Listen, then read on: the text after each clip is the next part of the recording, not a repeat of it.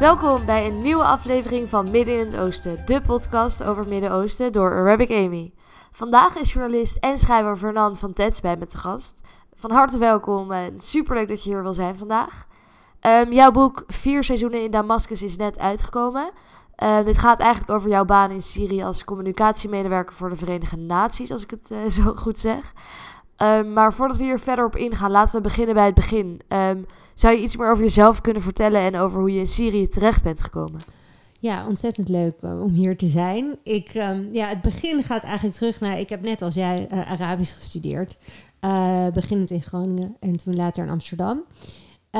en toen heb ik na mijn master in Londen ben ik ja, naar het Midden-Oosten vertrokken om daar journalist te worden. Dus ja, ik was daar freelancer in Beirut. Ik ben in 2011 daarheen verhuisd. Uh, en dat was natuurlijk een goed moment, omdat er toen ja, vrij veel nieuws in de regio was. Uh, vooral vanwege Syrië. Um, en toen ben ik gewoon ja, begonnen met schrijven. En heb ik, zoals je dat zegt in de freelance taal, een winkel opgebouwd aan klanten. waaronder Trouw en de Groene Amsterdammer, maar ook in Engeland de Independent bijvoorbeeld. En ik werkte ook voor de televisie.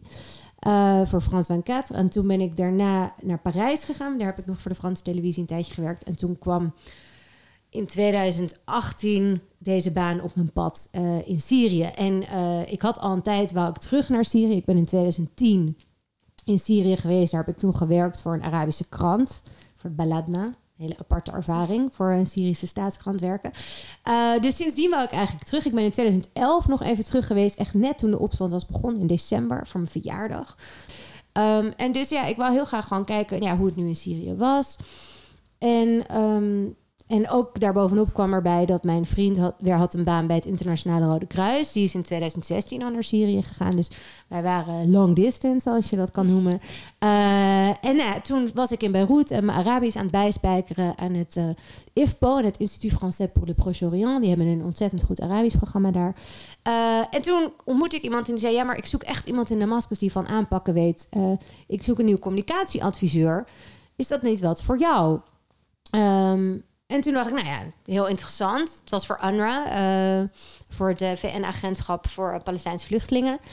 Dus toen ben ik uh, ja, een cocktail gaan drinken in een barretje met het meisje die dit voorstelde. Een Belgische vrouw die, die in Syrië werkte al een tijd voor UNRWA.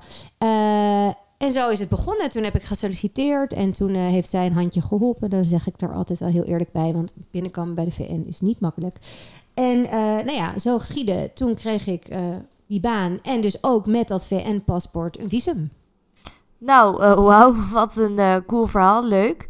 Uh, veel ervaring met werken in het Midden-Oosten zo te horen. Um, en ja, dat komt wel goed uit voor vandaag. Want we gaan het hebben over de burgeroorlog in Syrië. wat natuurlijk heel gecompliceerd is en je niet zo 1, 2, 3 kan vertellen. maar om het even ietsje simpeler, om daar even mee te beginnen. Want uh, wat moeten we ons voorstellen als we denken aan, aan, aan Syrië? Jij bent er natuurlijk geweest voordat het land in puin lag. Uh, maar ja, wat is het voor land, even afgezien van de burgeroorlog die uh, daar nu is?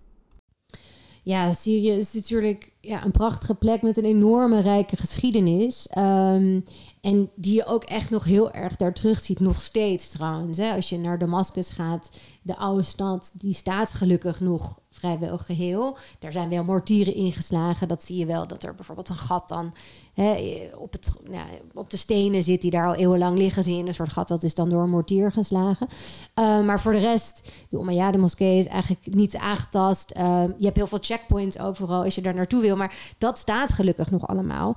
Maar ook een heel groot deel van hè, dingen waar je aan Syrië, als je daaraan denkt, de werelderfgoedplekken. Dus dan heb ik het over de zoeks van Aleppo bijvoorbeeld, waar je echt kilometers lang uh, alle specerijen en zeep en alles bij elkaar kon vinden. Ja, die zijn enorm verwoest. En um, Palmyra, een hele bekende plek. Uh, die door de islamitische staat natuurlijk enorm is toegetakeld. Um, dus een deel van wat er heel prachtig aan Syrië was, is er helaas niet meer. Maar de mensen zijn natuurlijk ontzettend aardig en gastvrij. Iedereen die in Syrië ooit is geweest, kan dat beamen. Uh, en dat is gelukkig, ondanks alle ellende, nog wel zo. Um, maar ik denk, ik vond het heel verrassend toen ik daar aankwam is eigenlijk vooral in het deel dat de regering dan nog in handen had. Dus het deel waar ik woon, is eigenlijk hoe normaal alles nog was. Ik bedoel, er stonden bloemen in de perken, alle stoplichten deden het nog. En ja, je komt dan met de auto vanuit Beirut In Libanon is natuurlijk altijd een beetje chaos.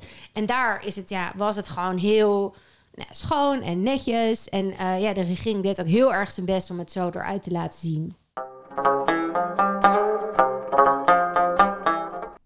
Ja, uh, Syrië staat nu natuurlijk uh, voornamelijk bekend om de burgeroorlog die, die daar nu is. En uh, ja, we kennen allemaal de verschrikkelijke beelden van op televisie hiervan. maar hoe was het voor jou toen je daar aankwam in 2018, als ik het goed heb? hoe was de situatie op dat moment? Nou, dus toen ik kwam in 2018, maart 2018 is het achtste jaar van de oorlog, eigenlijk het begin daarvan. Toen was eigenlijk al het tij had zich eigenlijk al heel erg gekeerd voor de Syrische president. Dus het is begonnen in 2011 met protesten. Toen in 2012 is er officieel een burgeroorlog uitgeroepen. Omdat er dus met zoveel geweld terug werd gevochten, ook door de oppositie. Ehm, en je hebt een paar soort keerpunten in die oorlog. Hè. Het eerste keerpunt zou je kunnen zeggen is in 2013 met Ruta. Toen was er een chemische aanval daar. Dat was een rode lijn volgens de Amerikaanse president. Um, die heeft toen vervolgens daar eigenlijk niks op gedaan. Die wou toestemming van het Amerikaanse congres om daar militair op te reageren. Die heeft dat toen niet gekregen. Uh, dus dat is een enorm kantelpunt geweest in die oorlog. En in 2015, in de zomer van 2015, zijn de Russen uh, hebben luchtsteun verleend aan de Syrische president. En het effect daarvan kon je heel erg zien toen ik daar was. En toen is er een soort tactiek begonnen van de verschroeide aarde. Dus uh, er werden al heel lang gebieden belegerd. Toen werden die met hulp van die Russische luchtsteun enorm gebombardeerd. En dan werd er een verzoeningsdeal aangeboden. Dus dit proces was aan de gang in Ruta. Dus dat is een oppositiegebied vlak bij de hoofdstad, zo'n 10 kilometer afstand. Uh, en toen ik daar aankwam, was dat eigenlijk daar aan de gang. Dus mensen waren al heel lang belegerd. Dus mensen hadden ontzettende honger, waren geen medicijnen. Um, en dat bombardement was enorm bezig. Dus ik hoorde de vliegtuigen overvliegen om hun bommen daar te laden. Uh, daar los te laten, sorry. Um, en uh, dus dat was het, de situatie toen ik daar aankwam. Was eigenlijk het staartje van, van dat offensief. en toen het jaar dat ik er was, wordt ook wel het jaar van de overwinning genoemd door de president zelf. Omdat toen heeft hij daarna nog het gebied rond Damascus, waar de, de zuidelijke buitenwijken, waaronder het kamp Yarmouk, waar heel veel Palestijnen vandaan komen. Dat heeft hij toen ook nog teruggewonnen. En toen daarna is hij in de zomer doorgegaan naar het zuiden. En toen heeft hij bij Dara in de buurt, die zuidelijke provincies, heeft hij teruggewonnen. Dus uh, in dat jaar is er heel veel gebeurd in het jaar dat ik er was. Uh, en eigenlijk sindsdien zitten we een beetje in dezelfde situatie. Dat er nog een enclave is in het noorden, in Idlib. Hè, waar alle rebellen naartoe zijn gegaan. Dus die verzoening waar ik het net over had. Dat betekende dat ze zeiden, oké... Uh, nou, nu eh, moet je je overgeven. Of je geeft je volledig over en komt terug naar ons. Of als je echt je niet wil overgeven, dan evacueren we je. Eigenlijk deporteren we je. Dan zetten je op een groene bus naar het noorden, naar Idlib. Um, waar er nog gebied is dat van de rebellen is. En dan kan je het daar verder allemaal samen uitzoeken. Ja, uh, heftig. En als je het zo uh, al vertelt, dan merk je eigenlijk al hoe gecompliceerd het is met bijvoorbeeld de rebellen in het noorden, Assad die steeds meer gebieden terug overwint. Uh, je noemde net al eventjes Rusland en Amerika. Uh, maar als we het even heel simpel bekijken en naar het begin kijken van... Uh, nou ja, wie staat er eigenlijk tegenover wie? Wie vechten samen en wie vechten tegen elkaar? Um, kan je hier misschien iets meer over vertellen?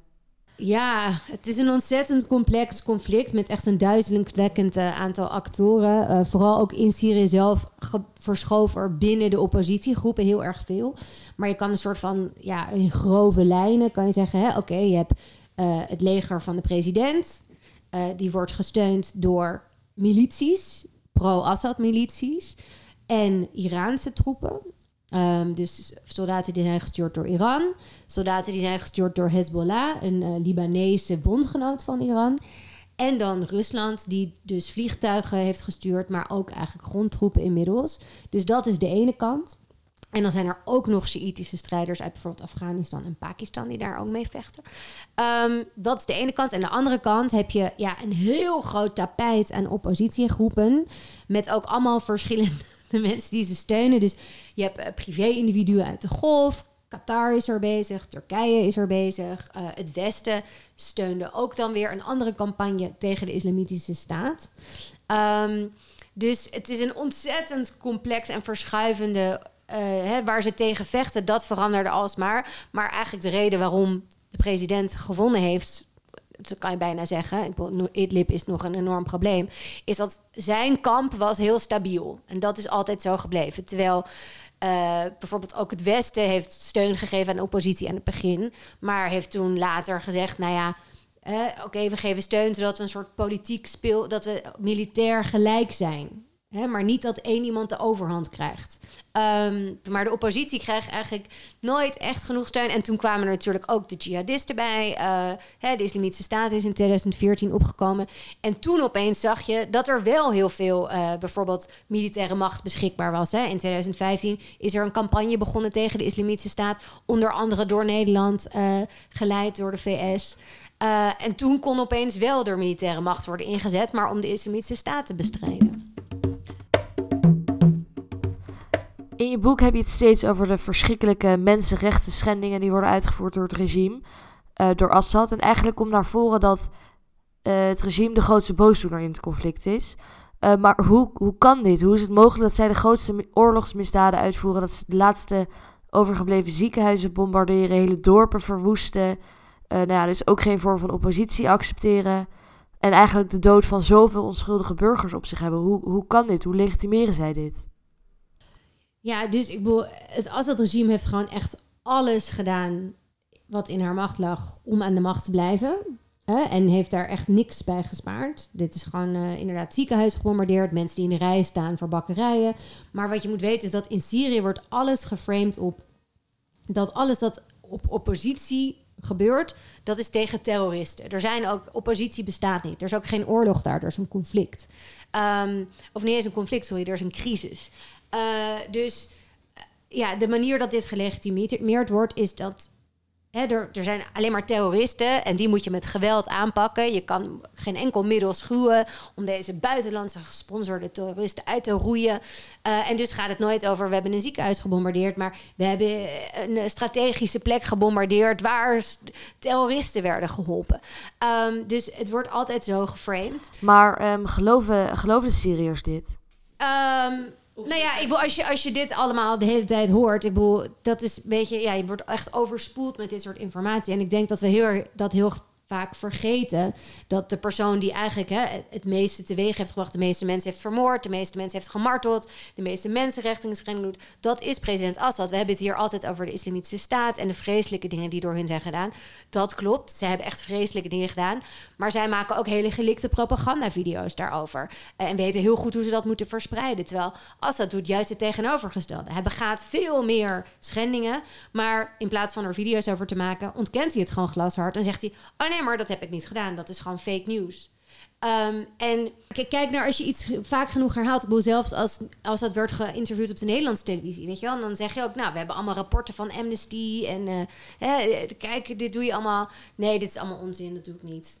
En ja, hij liegt gewoon glashard. En ik bedoel, misschien gelooft hij zelf ook wel. Um, en uh, ja, ik, ja, ik vind dat heel moeilijk om te zien. En het is gewoon, ja, er wordt gewoon een totaal andere realiteit gecreëerd. Ook waarin je dus je eigen ogen niet kan geloven. Hè? Ik bedoel, dat is ook een heel mooi voorbeeld hiervan.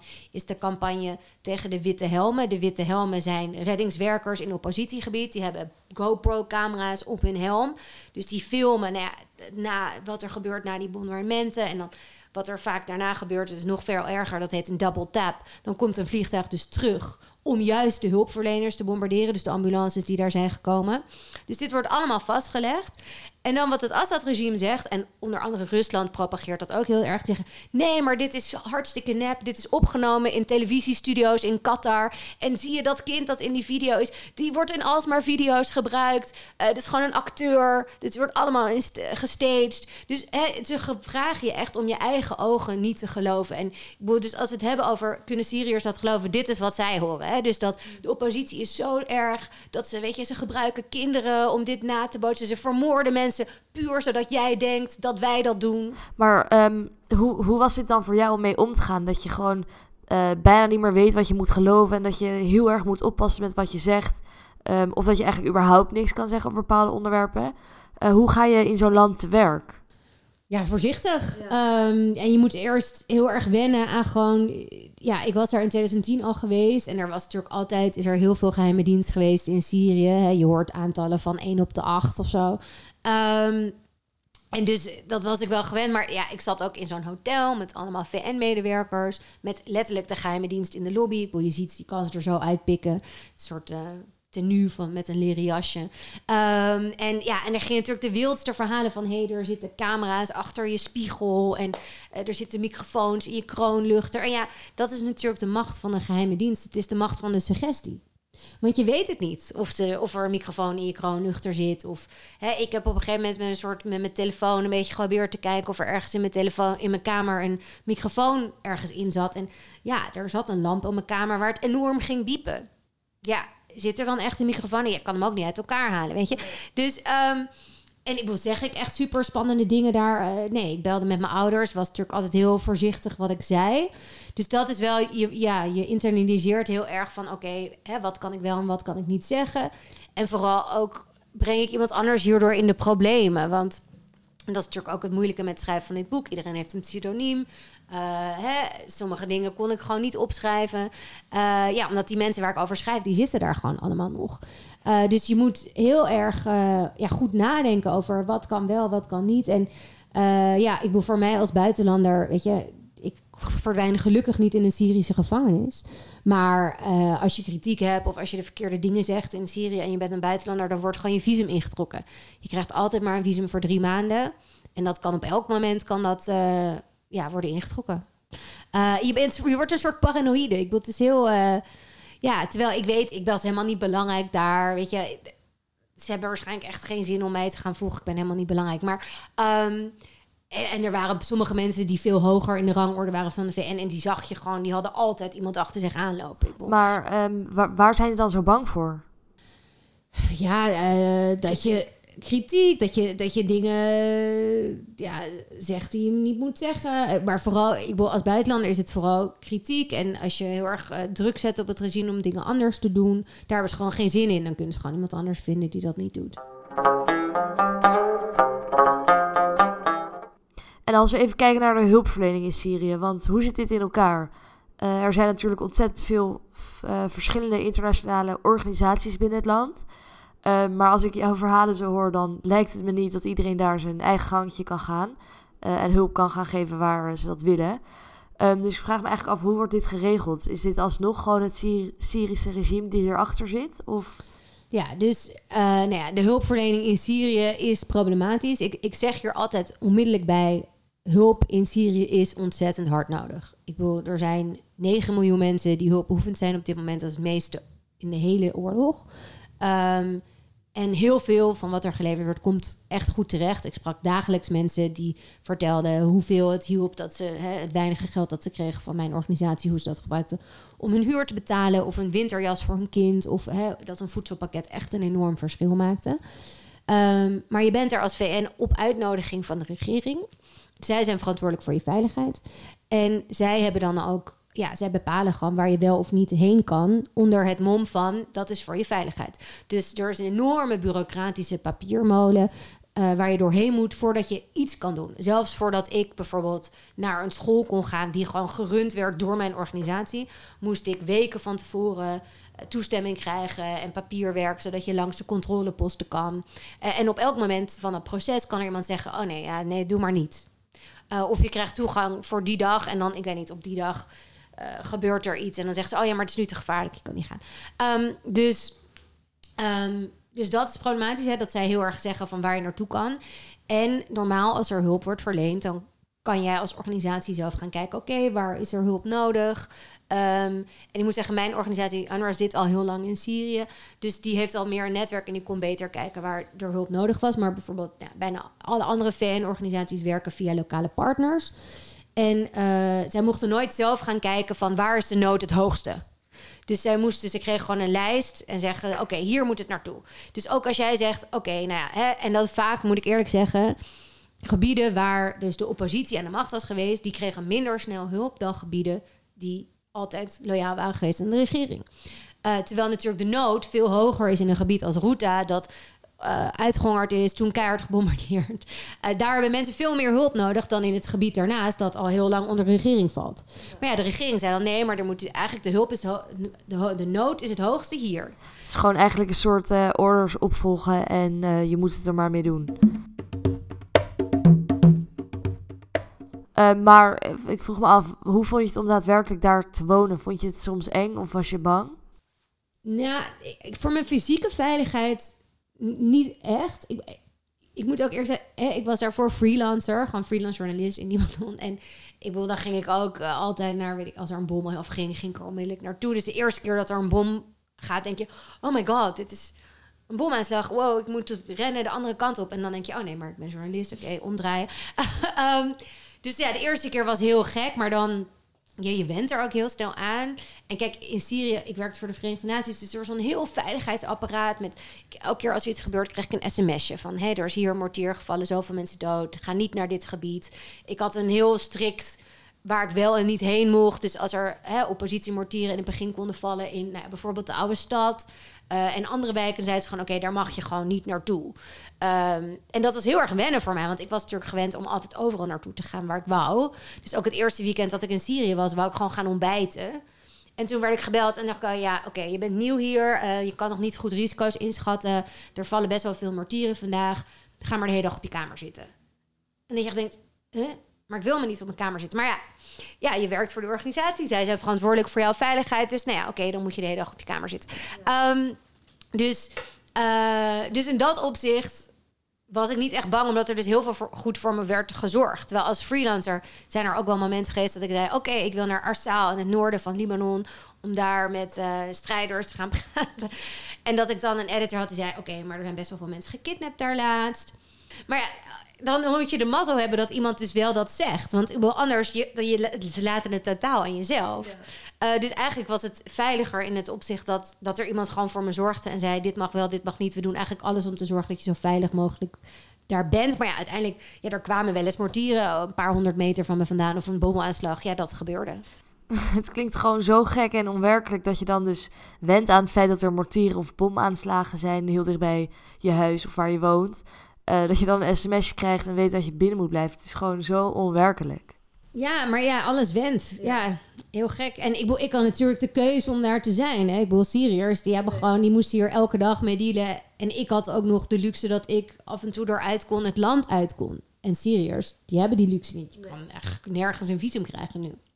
En als je een man bent uh, van militaire leeftijd, mag je überhaupt het land niet uit zonder toestemming. Dus uh, ja, ik had een aan de ene kant voelt het natuurlijk, ja, is het soort van eng en zo, maar tegelijkertijd, ja, je kiest ervoor om er te zijn en jij kan altijd weg. Dus je voelt je ook enorm geprivilegeerd.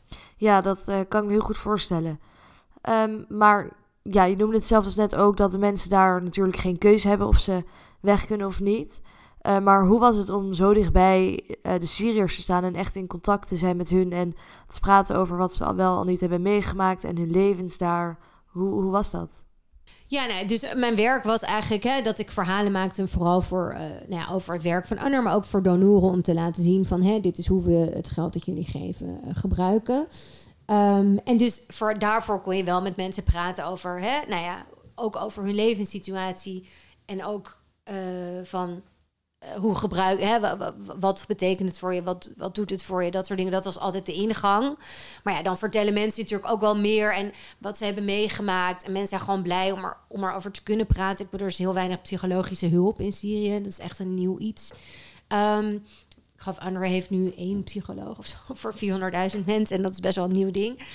Um, dus uh, mensen zijn best wel blij om te praten. Maar je moet ook oppassen. Vooral mensen die uit oppositiegebied weer naar regeringsgebied zijn gekomen. Hè. als ze dan een security check hebben gedaan, dan mogen ze zich weer vrijer bewegen.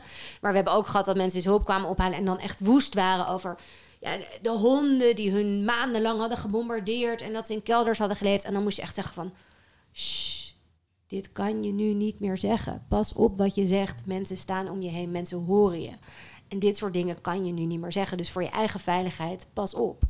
Uh, en dat was heel gek natuurlijk, want aan de ene kant wil je veel meer horen, maar ja, je moet ook, zor ja, ook zorgen dat mensen zichzelf niet de problemen inpraten. Ja, dat, dat vond ik ook super bijzonder om elke keer te lezen in je boek over uh, het doorzettingsvermogen en de overlevingskracht van de mensen daar. Dat ze eigenlijk altijd wel weer iets verzinnen waardoor ze toch een beetje hun leven kunnen leiden. Um, maar ja, hoe komt dit denk je? Waar houden ze zich zo aan vast? Wat geeft hun nog hoop in, in deze situaties?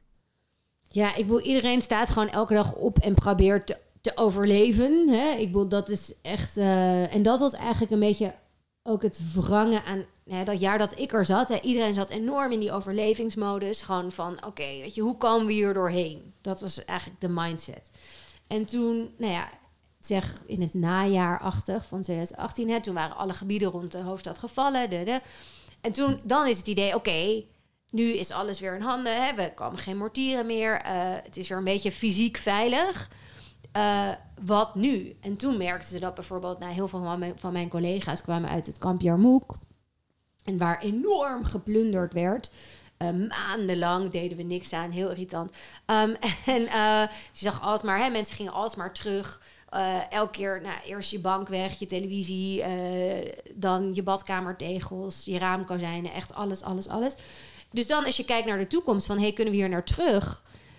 Dan denk je, ja, maar volgens mij kan dat helemaal niet. En dus wat ik heel erg merkte is dat mensen werden heel gedeprimeerd eigenlijk juist in die periode dat ik er was, want ze hadden enorm overleefd. En toen keken ze naar, oké, maar wat komt er dan nu? En de situatie werd gewoon helemaal niet beter. Dus de tekorten die er waren, die bleven. De elektriciteit viel steeds vaker uit. Uh, maar in plaats van dat je nu kan zeggen: hé, hey, dat is de schuld van de oppositie, was het, nou ja, de regering was aan de macht. Dus wie kan je dan de schuld geven? Dus toen is het verhaal heel erg veranderd van: oké, het is niet de schuld van de oppositie, het is de schuld van het Westen. Want wij uh, hebben economische sancties daarop gelegd. En dus is er een economische oorlogsvoering aan de gang. Um, en dus moeten mensen weer in een nieuw verhaal gaan geloven. Om soort van voor zichzelf recht te breien hoe het nu is. Maar dus dat is de ene kant van het verhaal. En tegelijkertijd, omdat mensen toch wel ja, gewoon doorleven. Hè, dat is ook wel mooi om te zien. Dat mensen ja, worden toch verliefd, uh, krijgen toch kinderen. Hè, het leven gaat ook gewoon door. Ook in een oorlogssituatie. Ook als dus eigenlijk je hele situatie om je heen zo verandert. Gaan eigenlijk de hele gewone dingen gaan toch ook nog door. Dat je wel samenkomt, dat je samen eet. Dat je ja, elkaar ook heel erg ondersteunt. Dus je hoort ook wel, hoorde ik van mensen dat eigenlijk de familiebanden veel dichter waren geworden in de, in de oorlog. Iedereen kijkt heel erg om zich heen voor, de, voor hun naasten. Um, maar ja, echt positieve uh, vooruitzichten, ja, die waren er eigenlijk niet. En dat vond ik ook heel moeilijk en deprimerend om, om mee te maken. En maar hoe is dat dan nu? Het is nu ongeveer uh, drie, jaar, drie jaar verder bijna. Uh, maar hoe is het dan nu? Zijn die vooruitzichten beter geworden of, of slechter? Nee, ja, nog slechter eigenlijk. Dus hè, die tekorten waar ik het net over had, dat was dus al twee jaar geleden. Maar die zijn eigenlijk veel erger geworden. Um, er is een economische crisis daar vanwege de oorlog. Maar ook, die is nog erger geworden. Dus door, door de sancties waar ik het net over had. Plus dat er een enorme crisis is in het buurland Libanon, waar heel veel geld doorheen werd gesluist. Ook heel veel Syriërs hadden daar geld op de bank staan. Uh, en vanwege de crisis daar, dat is een ander verhaal, maar kunnen ze niet meer bij hun geld. Um, dus dat is er. Um, en, en, dus corona dus, helpt natuurlijk ook en niet. En corona helpt ook niet. Zeker niet als je dus heel veel van je ziekenhuizen zelf hebt verwoest. Um, dus de situatie is eigenlijk alleen maar erger geworden. En ja, wat ik zo uh, ontzettend treurig vond om te zien... is dat ik had een paar vrienden daar... en die waren juist gebleven toen iedereen was weggegaan. Omdat ze dachten, ik wil helpen dit land weer op te bouwen. Ik wil niet dat zeg maar de slechte mensen... dat, dat, dat de enige mensen zijn die overblijven. En zelfs die mensen denken nu van ik moet hier weg, want ik, ik, ik heb kinderen. Wat voor toekomst is er voor hun hier? Um, en uh, ja, ja, dus eigenlijk de mensen die gebleven waren met de hoop dat ze iets konden doen aan de wederopbouw. Veel van hen denken nu nog steeds van, eigenlijk, hè, ik ben gebleven door al deze ellende heen, maar ik zie gewoon geen toekomst eigenlijk voor mezelf hier en ik wil toch nog weg. Maar uh, hoe komt het dan eigenlijk dat juist uh, nu Assad uh, gevluchte Syriërs terugroept naar, naar, naar Syrië? Um, hoezo wilt hij dit nu? Aangezien het hele land in puin ligt, er geen huizen, geen banen zijn. zijn mensen daadwerkelijk bereid om dit te doen, denk je? Ja, dit is, ja, dit is iets heel interessants dat eigenlijk aan de gang is. Het begonnen toen ik er zat. Ook volgens mij heel erg onder druk van Rusland. Dus um, hè, het idee is, oké, de oorlog in Syrië is voorbij. Het is weer veilig. Dus iedereen moet weer diplomatieke banden aangaan met president Assad en geld geven voor de wederopbouw, want dan gaan al die vluchtelingen naar huis. Um, dus het is een soort 1, 2, 3'tje. Uh, terwijl eigenlijk als je kijkt naar de realiteit, bovenop het economisch perspectief dat ik net heb uh, geschetst, is het ook gewoon niet veilig voor heel veel mensen om terug te gaan. En voorheen zei Assad heel duidelijk: ik wil ook helemaal niet iedereen terug. Ze praten over het feit dat er nu een meer homogene samenleving was. Uh, Jamil al-Hassan, een hele hoge man van de um, veiligheidsdiensten, die heeft gewoon gezegd: liever 10 miljoen trouwe burgers dan 30 miljoen ontrouwe burgers. Uh, maar opeens is dit hele idee gekomen van nee, we willen toch echt mensen terug. Terwijl je ziet gewoon in de realiteit dat is niet zo. Want uh, in Libanon is de eerste plek waar er terugkeer is georganiseerd door de regeringen samen. Nou, en wat blijkt daar is 20% van de mensen die een aanvraag deden, en dat waren er ook echt al niet zo heel veel, werden door de Syrische Veiligheidsdiensten gezegd: nee, die hoeven we niet terug, die willen we niet. Um, en wat er gewoon gebeurt is, ja, Weet je, mannen moeten meteen het leger in, maar er worden ook gewoon mensen weer opgepakt. Bijna iedereen wordt uitgenodigd voor een kopje thee bij de geheime dienst. Van hey, vertel eens even over hoe het allemaal daar is en wie doet wat. Uh, en sommige mensen verdwijnen gewoon. Ik noem een geval zelfs uit Nederland. Hier was iemand, Mazen al-Humada, was een activist uit Dara. Heeft in heel veel documentaires uh, was hij getuige van... Hè, ik ben enorm gemarteld, dit is er allemaal met me gebeurd. Hij is vorig jaar teruggekeerd heeft nog gebeld vanuit Damascus naar een familielid. hey, ik ben weer in Damascus. En is toen van de aardbodem verdwenen. En niemand weet nu waar hij is. Dus het is een fysiek is het niet veilig. Uh, de economische situatie is echt schandalig en, en, en, dramatisch. En het is dus geen toekomstperspectief. En het is ook helemaal niet duidelijk of jij terug kan naar je huis. Ja. Um, want er wordt ook, uh, nou, eigenlijk wordt er enorme volksverhuizing georchestreerd door het Assad-regime.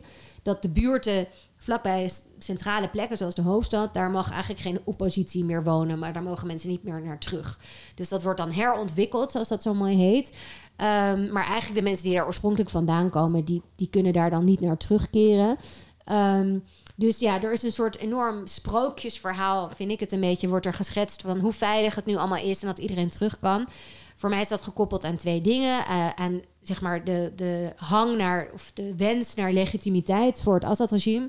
Dat er weer diplomatieke banden komen, dat ze weer een overleg kunnen, omdat je dus dan die mensen terug wil sturen. En je moet je ook niet vergissen, dit is ook gewoon, gaat ook gewoon om geld. Uh, hè, als je mensen terug gaat sturen, dan zal hij ook zeggen: Oké, maar naar wat stuur je ze terug? Ik heb geld nodig voor de wederopbouw van alles wat ik zelf heb verwoest. Ja, ja dus het is gewoon nog helemaal niet veilig om terug te keren na, naar het land. Um, tenzij er natuurlijk iets van een politieke oplossing voor het conflict komt. Um, maar ja, hoe, hoe, denk jij hierover? Is het reëel of um, ja? Ja, dat is een hele moeilijke vraag. Ja, uh, er is nu een, natuurlijk een proces aan de gang. Hè. Er is uh, een uh, grondwettelijk comité dat samenkomt om een nieuwe grondwet te maken. Maar ja, dat heeft ja, dat is een idee dat komt al uit een resolutie van vijf jaar geleden. Van hè, zo moet er een oplossing komen.